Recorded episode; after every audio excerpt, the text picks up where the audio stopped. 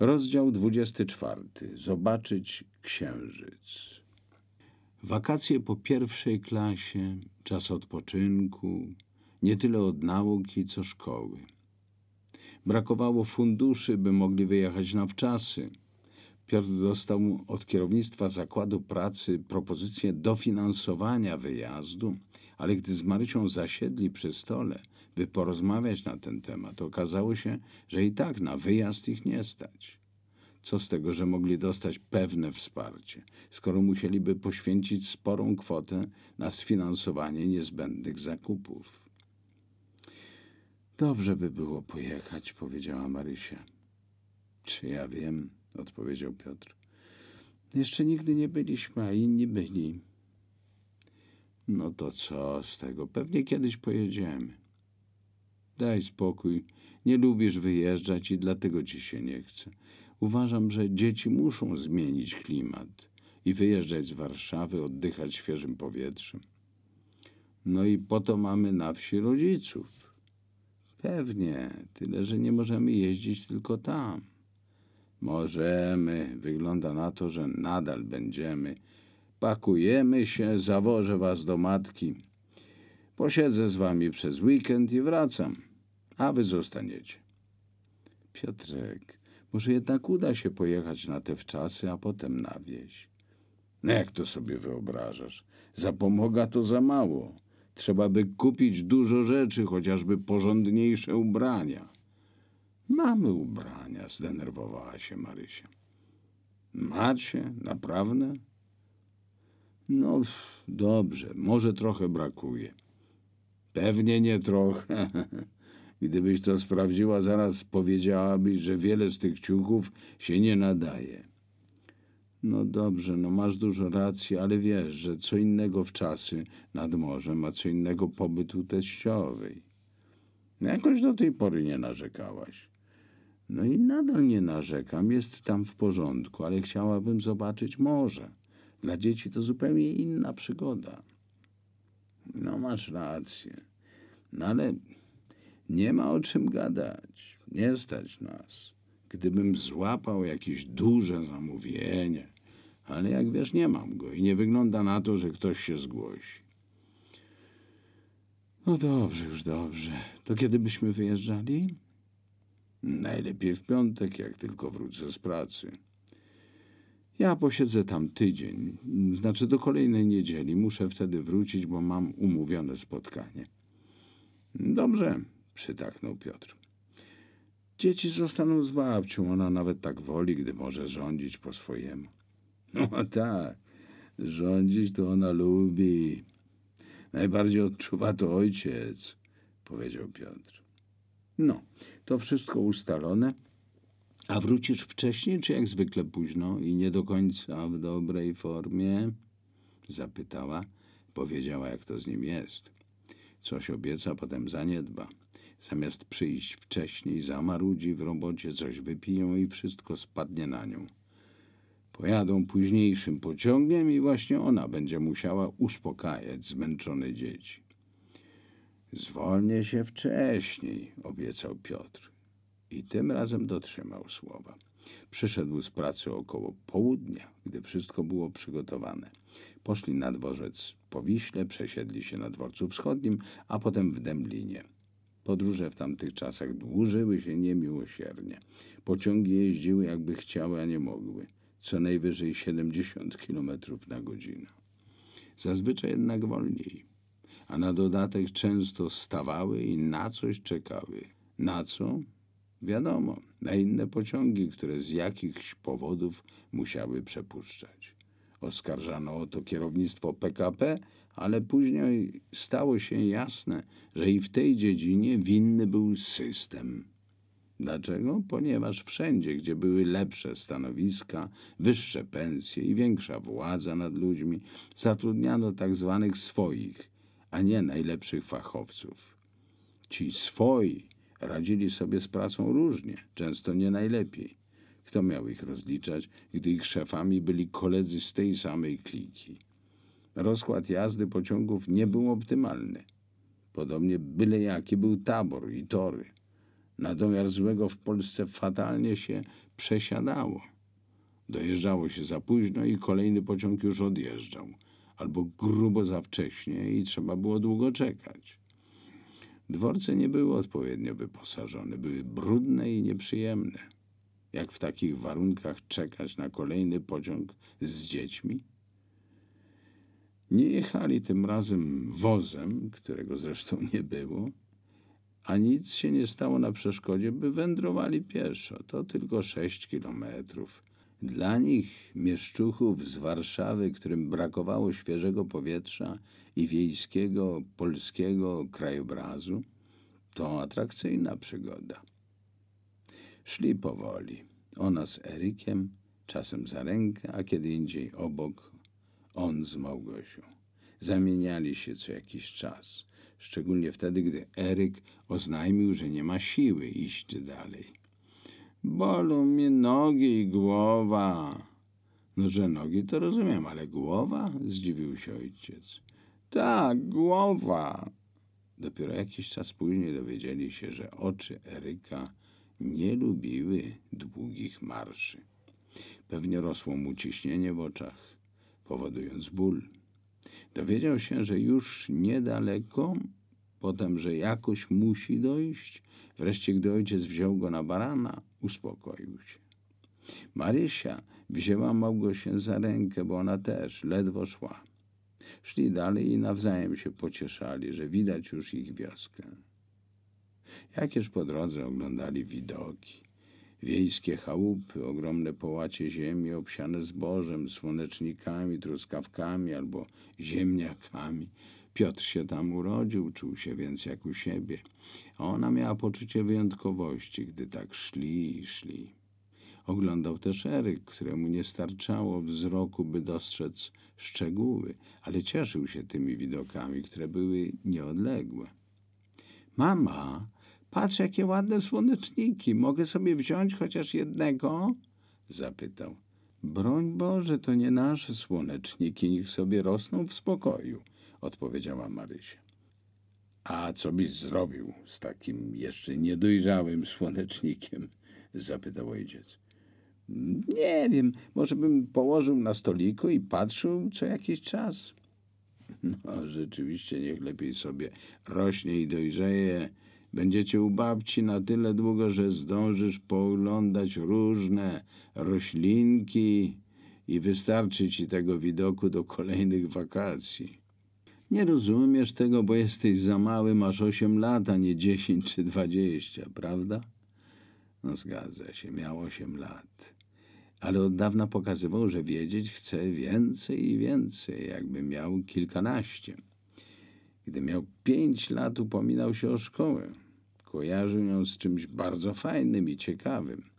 Ciągle czegoś szukał, oglądał i dopominał się o książeczki. Mama mu je czytała. Sam też umiał, chociaż jeszcze niedoskonale. Interesował się muzyką i jak tylko była taka możliwość, udawał perkusistę. Brał do rąk dwie łyżki do zupy i bębnił wałek leżący na łóżku rodziców. Na dodatek mruczał pod nosem jakieś sobie znane melodie. Gdy mama zapytała, co to jest, odpowiadał, że to jego kompozycje. Ciągnęło go do szkoły, bo uważał, że tam będzie mógł rozwinąć skrzydła. Znajdzie nauczycieli muzyki i matematyki i nie będzie mu się nudziło. No więc mam nic nie zrywać?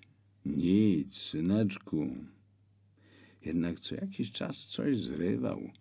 Podobnie jego młodsza siostrzyczka. Gdy tylko coś im się spodobało, a to bujny, choć jeszcze niedojrzały kłos, ładne źdźbło trawy, polny kwiatek, a nawet jakiś owoc, który sterczał poza obrębem zasiewu, zrywali i bardzo się cieszyli.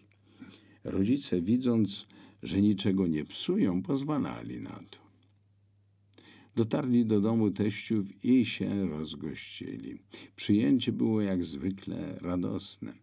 Teściowie byli jednak zaskoczeni, ponieważ nie dostali listu z zawiadomieniem, że młodzi przyjadą. No i trochę narzekali. Gdybyście napisali, podjechałbym wozem, a tak musieliście ciągnąć dzieci przez tyle kilometrów, powiedział dziadek. Nic strasznego, trochę byliśmy zmęczeni, ale gdy udało się tu dotrzeć, nie ma co narzekać. I, i zobacz, dziadku, ile mamy roślinek, powiedziała Małgosia. Dziadek za nią przepadał. Była też pupilką ojca. Mama traktowała Małgosię zwyczajnie, czasem miło, kiedy indziej surowo, a Małgosi wydawało się, że mama faworyzuje brata. A, a dlaczego Eryk ma więcej truskawek? No bo jest większy, odpowiadała Marysia. A, a, a dlaczego jego truskawki są bardziej czerwone niż, a, a, a, a moje takie blade? No co ty mówisz, są takie same. Nieprawda, zawsze mi dajesz gorsze. Znowu mówisz nieprawdę. Tak samo jak ostatnio o wiśniach. Zrobimy tak samo jak wtedy. Zamieniamy truskawki i już. Wzięła od dzieci dwa talerzyki i zamieniła owoce. Teraz Eryk protestował. To były moje truskawki, a nie jej. Ale ja się nie zgadzam, żebyś ciągle miał lepsze rzeczy. No to nieprawda, Gosiu, uspokój się.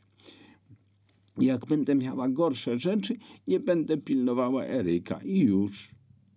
No wiesz, oburzyli się wszyscy, a najbardziej Eryk. To ja nie będę pożyczał ci moich zabawek i książek. Dajcie spokój, dzieciaki, denerwowała się babcia. Opowiadasz głupstwa, Małgośka, zabierz się do jedzenia i tyle. I zaczęli jeść kolację. Był na to najwyższy czas, bo zrobiło się późno. Mimo pewnych nieporozumień Gośka świetnie pilnowała brata, a on tylko trochę się z nią droczył. Wiedział, że może na nią liczyć. Mieli do siebie zaufanie i zdradzali sobie wzajemnie tajemnice. Uwielbiała jakiegoś piosenkarza i prosiła, by nikomu tego nie powiedział, a on codziennie na wsi gdzieś znikał i tylko ona wiedziała gdzie.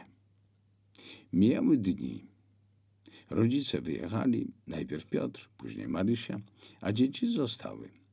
Dziadek był ciągle zajęty. W Lipcu na wsi jest tyle pracy, że w zasadzie nie da się od niej oderwać. Dziadkowie wstawali o świcie i wykonywali czynność po czynności. Dziadek więcej, a babcia nieco mniej. On częściej na polu i łące, a ona w zagrodzie. Gosia i Henryk troszkę pomagali i robili co potrafili. Pomagali też inni członkowie rodziny, kiedy tam zawitali. Marysia także, jeśli mogła zostać. Eryk znikał z pola widzenia dosyć często. Gdy babcia pytała go się, co on robi, nie zdradzała go. Mówiła tylko, że nic takiego i że jest bezpieczny. Słońce powoli zachodziło i chowało się za dachami sąsiednich domów. Było jeszcze dosyć jasno. Dachy pozostawały całkiem nieźle oświetlone, a wszystko, co w dole, zatapiało się w ciemnej szarości. Jak zdarza się często, mimo obecności słońca na niebie wyłaniał się z niebytu księżyc. Tego dnia nie czekał, aż słońce całkiem zgaśnie, lecz błyszczał już teraz. Na wsi uciszało się, jeszcze kilka odgłosów ze stajni i obory, dwa, trzy psy gdzieś w sąsiedztwie, a to ze sobą rozmawiały, a to się spierały. Na ich podwórzu cicho, nie było nikogo, tylko lekki wiatr poruszał konary drzew i liście. Te jak zawsze o tej porze roku zielone. Jeszcze zdążą się naszumieć, zanim pożółkną. Przy bramie wjazdowej duża, stara morwa o owocach niemal nikomu nieznanych. Babcia była dumna, że ma drzewo, jakiego nie mają inni, a wnukowie z tego korzystali, zrywali owoce i zajadali się do oporu. Obok morwy jabłonie i grusze, jeszcze bez dojrzałych owoców, chociaż papierówki już dochodziły. Zostaw, Eryk, jabłka, bo jeszcze nie dojrzały, ostrzegał dziadek. Oj tak, zostaw, na razie masz wiśnie, dodawała babcia. I rzeczywiście, nieopodal rosły jabłonie, grusze i śliwy.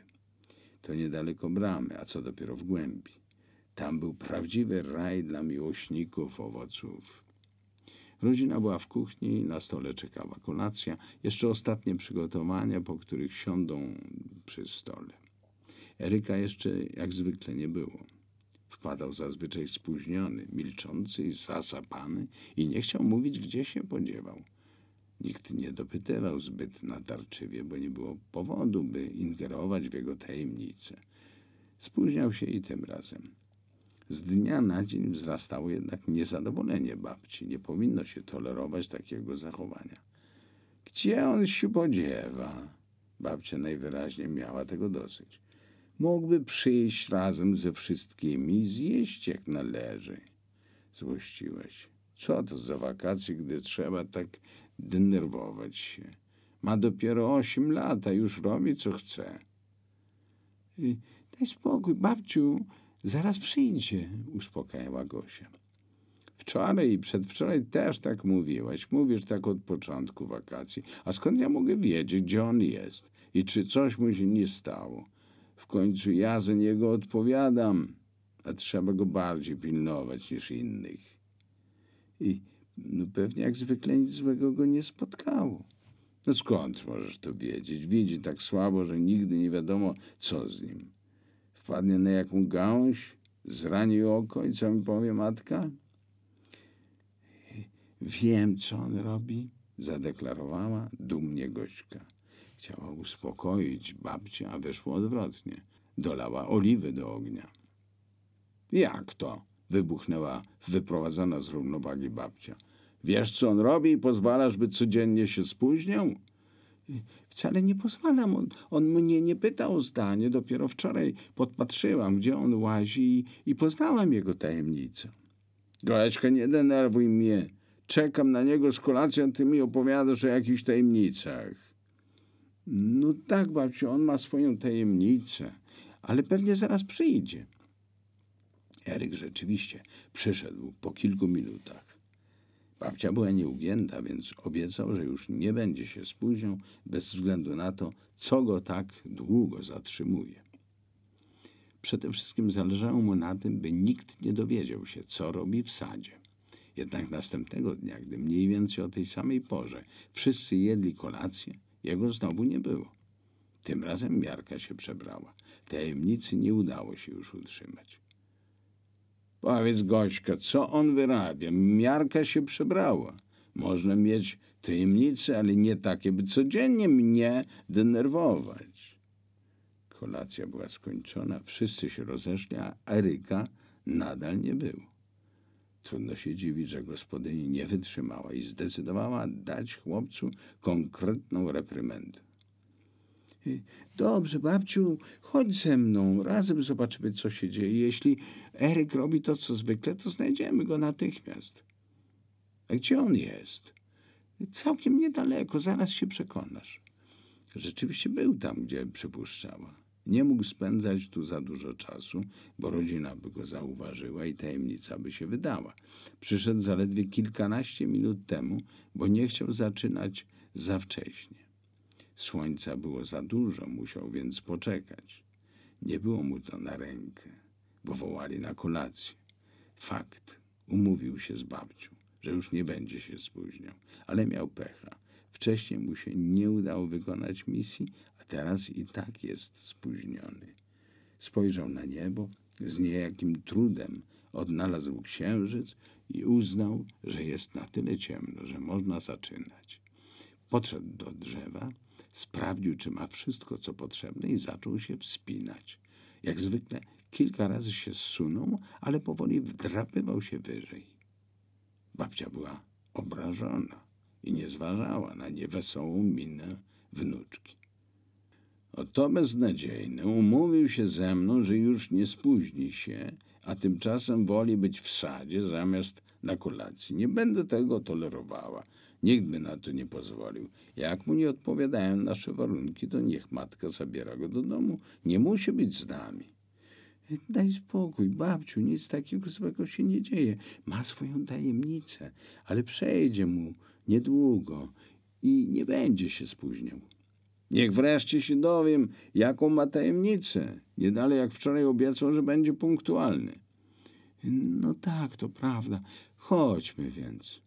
Wstały od stołu, wyszły z pokoju, ominęły różne rzeczy leżące na podłodze w korytarzu, a nikt nie wiedział, dlaczego tam są i utrudniają przejście i mówiono skrótowo to babcia. Faktycznie to ona tu urządziła i rozstawiała słoiki pełne dżemów kiszonych czy małosolnych ogórków i, i garnki, nie wiadomo z czym. Zeszły z ganku na trawę otaczającą cały dom, okrążyły go i przez furtkę weszły do sadu. Gosia prowadziła, a babcia miała kłopoty z gałęziami, które jak na złość czepiały się właśnie jej i miała coraz gorszy humor. Narzekała pod nosem, gdy coś bardzo ją podrapało. Zaraz i Gosia zaczęła narzekać na to samo. Babciu, dlaczego tutaj tak gęsto i niewygodnie? Gęsto? Etem, daj spokój. Na dworze było tak ciemno, że trudno było mijać gałęzie, korzenie i deski, które dziadek przygotowywał do reparacji stodoły. Jestem bardzo zdenerwowana przez to, że muszę teraz tu łazić. Przesadził, ale niech babcia nic nie mówi, teraz trzeba być ciszej, bo gdy nas usłyszy, nie zobaczymy, co robi. Przecisnęły się pomiędzy krzakami, pewnie porzeczkami, minęły kilka następnych drzewek i dwa ule i schowały się pod gruszą. Kilka metrów dalej stało chyba największe tutaj drzewo, stara, jeszcze owocująca jabłoń, z grubymi jak przedramię gałęziami, obciążonymi ładnymi, nieco robaczywymi papierówkami. Dziadek nie korzystał ze środków ochrony roślin, bo to przecież trucizna. Owoce więc były robaczywe. Jemu i babci robaki nie przeszkadzały, gościom z miasta już tak. Stały pod drzewem i wpatrywały się w inne, największe i najsilniejsze drzewo w sadzie. No i co dalej? Popatrz, babciu, wyszeptała Gosia. Wskazała ręką sąsiednią jabłoń, a babcia wpatrywała się w jej pień i nic ciekawego nie zauważyła. Babciu, popatrz wyżej, wysoko. Babcia przeraziła się, gdy zobaczyła niemal na czubku drzewa niewyraźnie majaczącą postać chłopaka. Chciała krzyknąć, ale Gośka chwyciła ją za rękę i cichutko rzepnęła. Poczekaj, on tu ma swoją tajemnicę. O co tu chodzi na miłość boską? Po co on siedzi na tym drzewie? Zakazaliśmy mu włazić na nie. Nie mówiłam, że może zlecieć i narobić sobie kłopotu. Mówiłaś, ale jego tajemnica to nie żarty. Najpierw chodził tu na jabłka, bez których nie wytrzyma ani godziny, no i wpadł na ten pomysł. Nie wiem, czy powinnam zdradzić ci tę jego tajemnicę. Niczego mu nie obiecywałam, ale coś mi się zdaje, że nie będzie zachwycony, gdy ją zdradzę. Czy on zgłupiał? Skaranie boskie z tym chłopakiem. Jego zdaniem, babciu, im wyżej, tym lepiej. Myśli, że tam zobaczy dokładniej księżyc i gwiazdy. Dokładniej? No tak, słabo widzi i sądzi, że te parę metrów wyżej coś zmieni. A co to za pomysł? Przecież jakoś tam widzi. Nie wierzę, że nie widzi księżyca, tak zwyczajnie, z ziemi.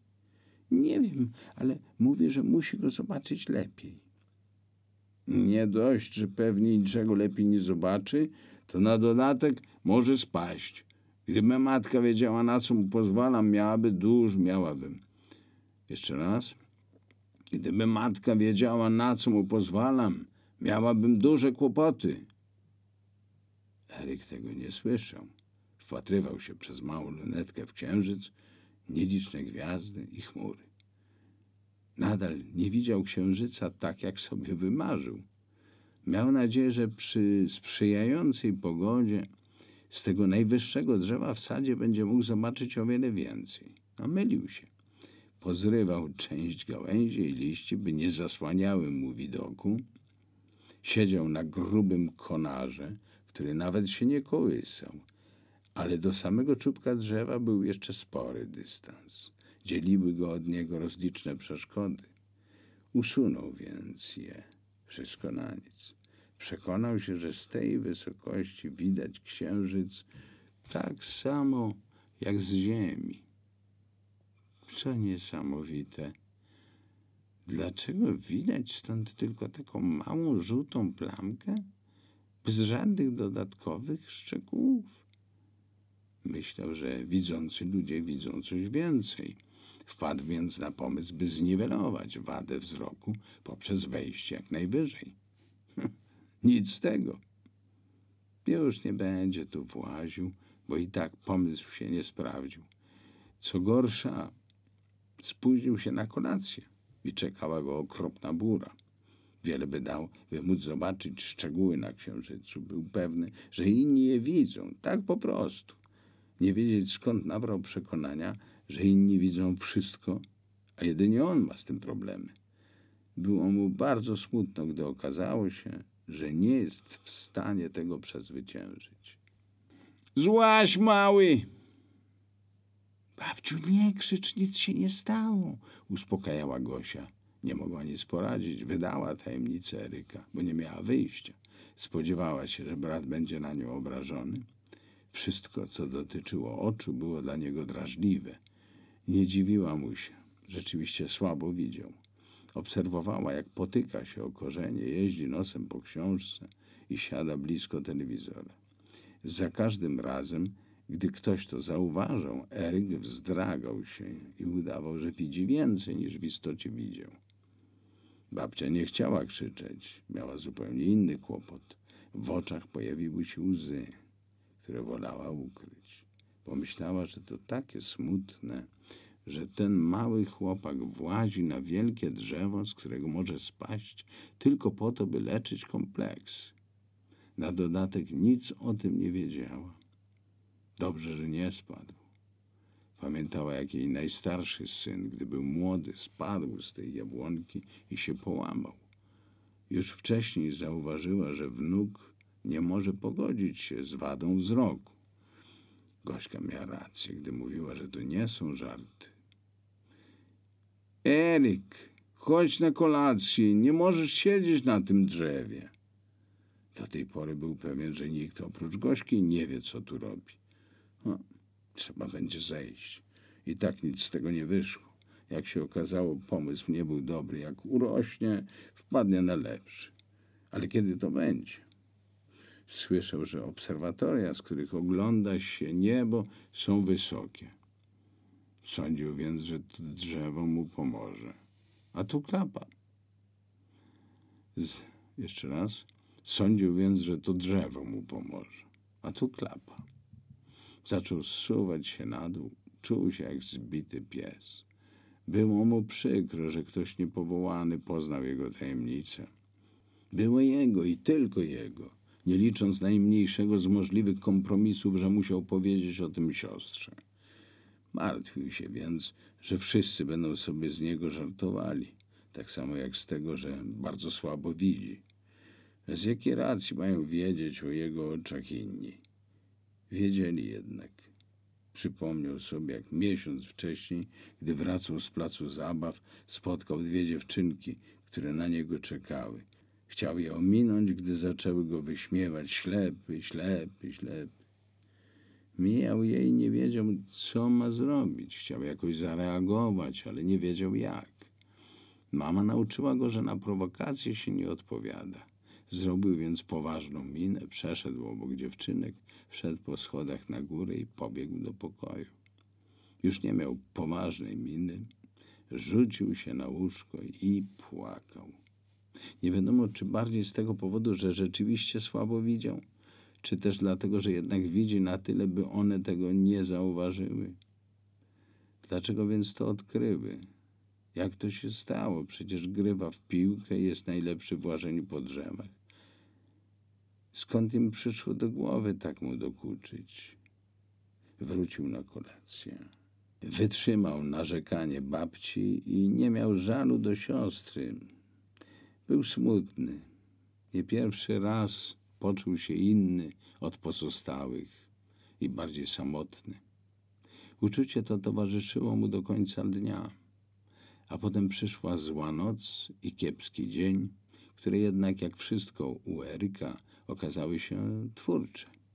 Już sam fakt, że o zachodzie słońca zdołał zauważyć piękno otoczenia, w którym się znalazł i że pomyślał o Bogu, wystarczyłyby zapomnieć o tym, co wcześniej się nie udało. Eryk poważniał i obiecał sobie uwielbiać wszystko, co jest i nie zauważać tego, czego nie ma. Zobaczyć. Stanąć naprzeciw, dotykać, poczuć oddechu drżenie, dbać, karmić, ugłaskiwać, wyciągnąć dłonie z jedzeniem, wejść na drzewo, być bliżej, zatrzymać obraz w powiekach, czy zamknąć oczy, by widzieć. Może na to wszystko poczekać, wyjąć z albumu zdjęcie, czy stanąć nad morzem. Jak więc widzieć więcej? Najświętszy Boże,